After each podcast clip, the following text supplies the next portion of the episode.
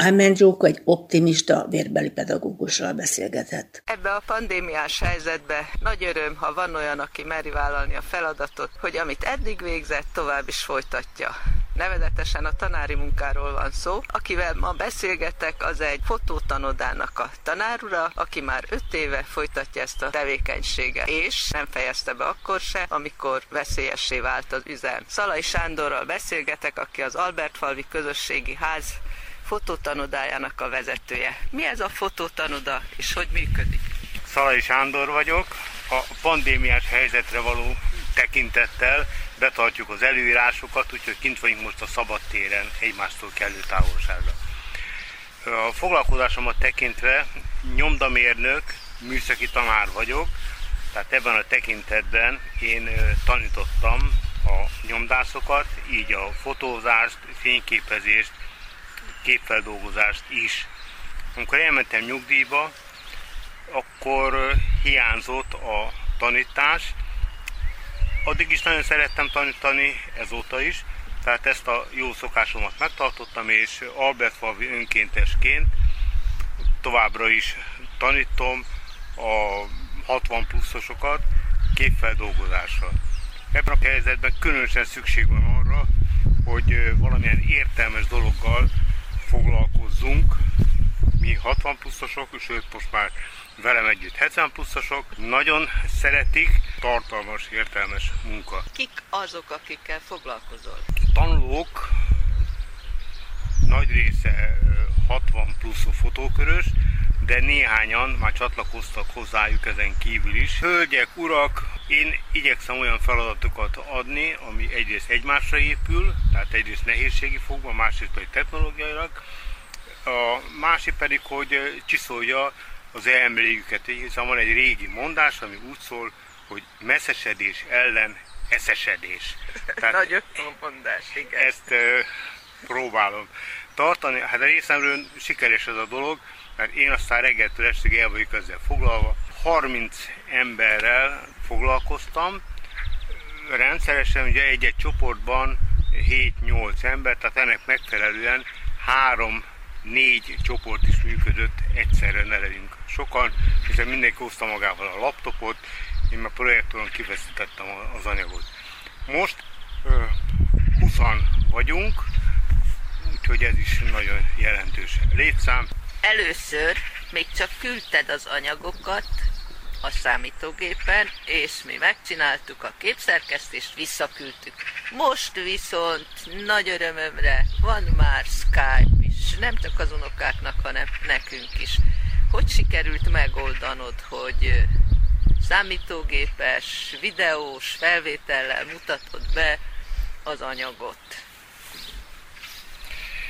Már korábban is tartottam úgynevezett fóka csoportnak ilyen csoportos előadást. Rövid magyarázat, fóka elnevezést a fotósok karanténban rövidítésből származik. Most a technikát fejlesztettem, eleinte telefonon. Tehát szó szerint egy-egy emberre telefonon fölvettem a kapcsolatot, mind a ketten bekapcsoltuk a gépet, és közösen megoldottuk. Ez nagyon jó, de még jobbat találtam ki, nevezetesen, hogy készítek felvételt, tehát léteznek ilyen programok, amikkel felvételt lehet készíteni. Vásároltam egy ilyet, vettem egy olyan fejhallgatót, ami van mikrofon is, és ezzel most már tudom rögzíteni azt, hogy én a számítógépen mit mutatok be. Ezt nagyon szeretik, mert le tudják állítani, többször vissza tudják nézni. Ehhez persze elküldöm az eredeti képet, és ők is a művelet sort el tudják végezni. Mi a visszajelzés? Erre több visszajelzés is van. Az egyik az, hogy látom nap mint nap, hogy milyen képeket tesznek fel a közös levelezésre, vagy a Facebook csoportra, de nagyon sok dicséretet kapok, tehát írásban megfogalmazzák, hogy hú de hasznos, hú de jó, és valóban így van. A MAFOS, ugye Magyar Fotóművészek Alkotó Szövetsége, tudunk küldeni képeket, és évről évre észreveszünk, hogy jobb és jobb minőségű képet sikerül fényképezni, kivágni, korrigálni, előállítani. Több olyan visszajelzés is jön, hogy nagyon jó, hogy ezzel az egészen foglalkozunk, hiszen nem lustolok el, nem punnyadok, hanem értelmes dologgal töltöm az időt.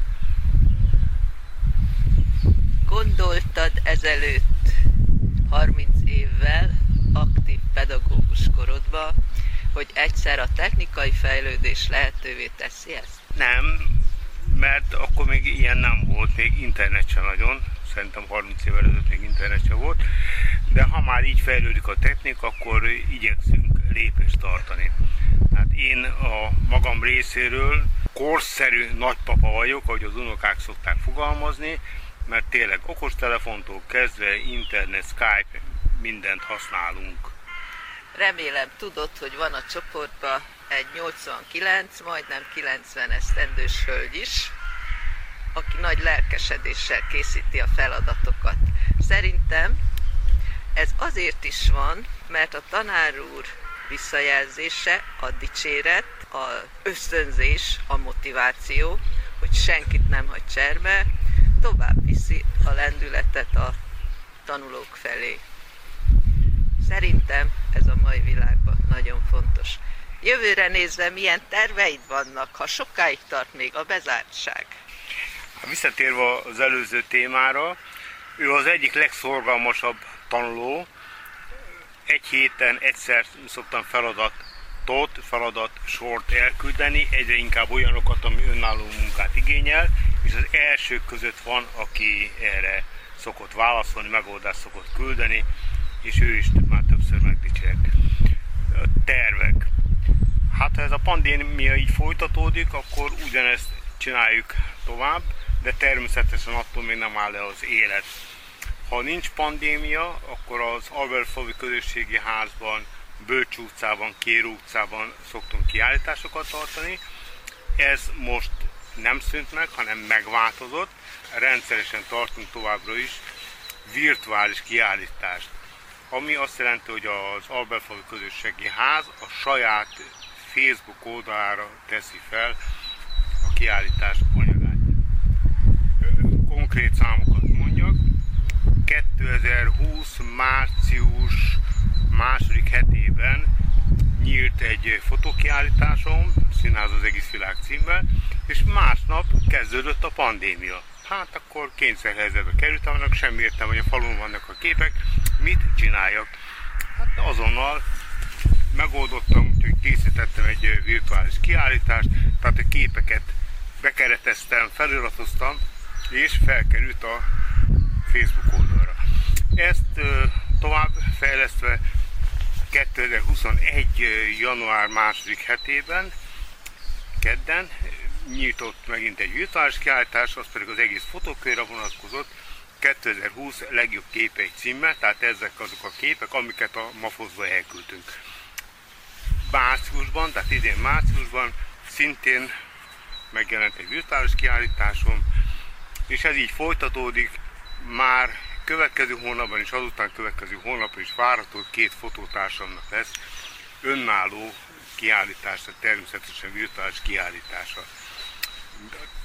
Tehát, ha a pandémiás helyzet nem oldódik meg, akkor ezt folytatjuk, ha megoldódik, akkor természetesen személyesen fogunk találkozni. De érdekes módon felvetődött az igény, hogy ha személyesen tudunk találkozni, akkor is folytassam ezt a felvételt, készítését, mert annyira hasznos, hogy meg tudják állítani, meg tudják nézni. Kedves tanár úr, gratulálok, hogy ebbe a nagyon bizonytalan és veszélyes időszakba fölvállalta a 60 pluszos tanítványok tanítását online, és igyekszik motiválni őket, hogy ne keseredjenek el, hiszen a mikorunkban már az is nagy öröm, ha meg tudunk oldani egy fotós feladatot. Ha már a fotózás, mint olyan, kicsit kiszorult most az életünkből. Köszönöm szépen az interjút.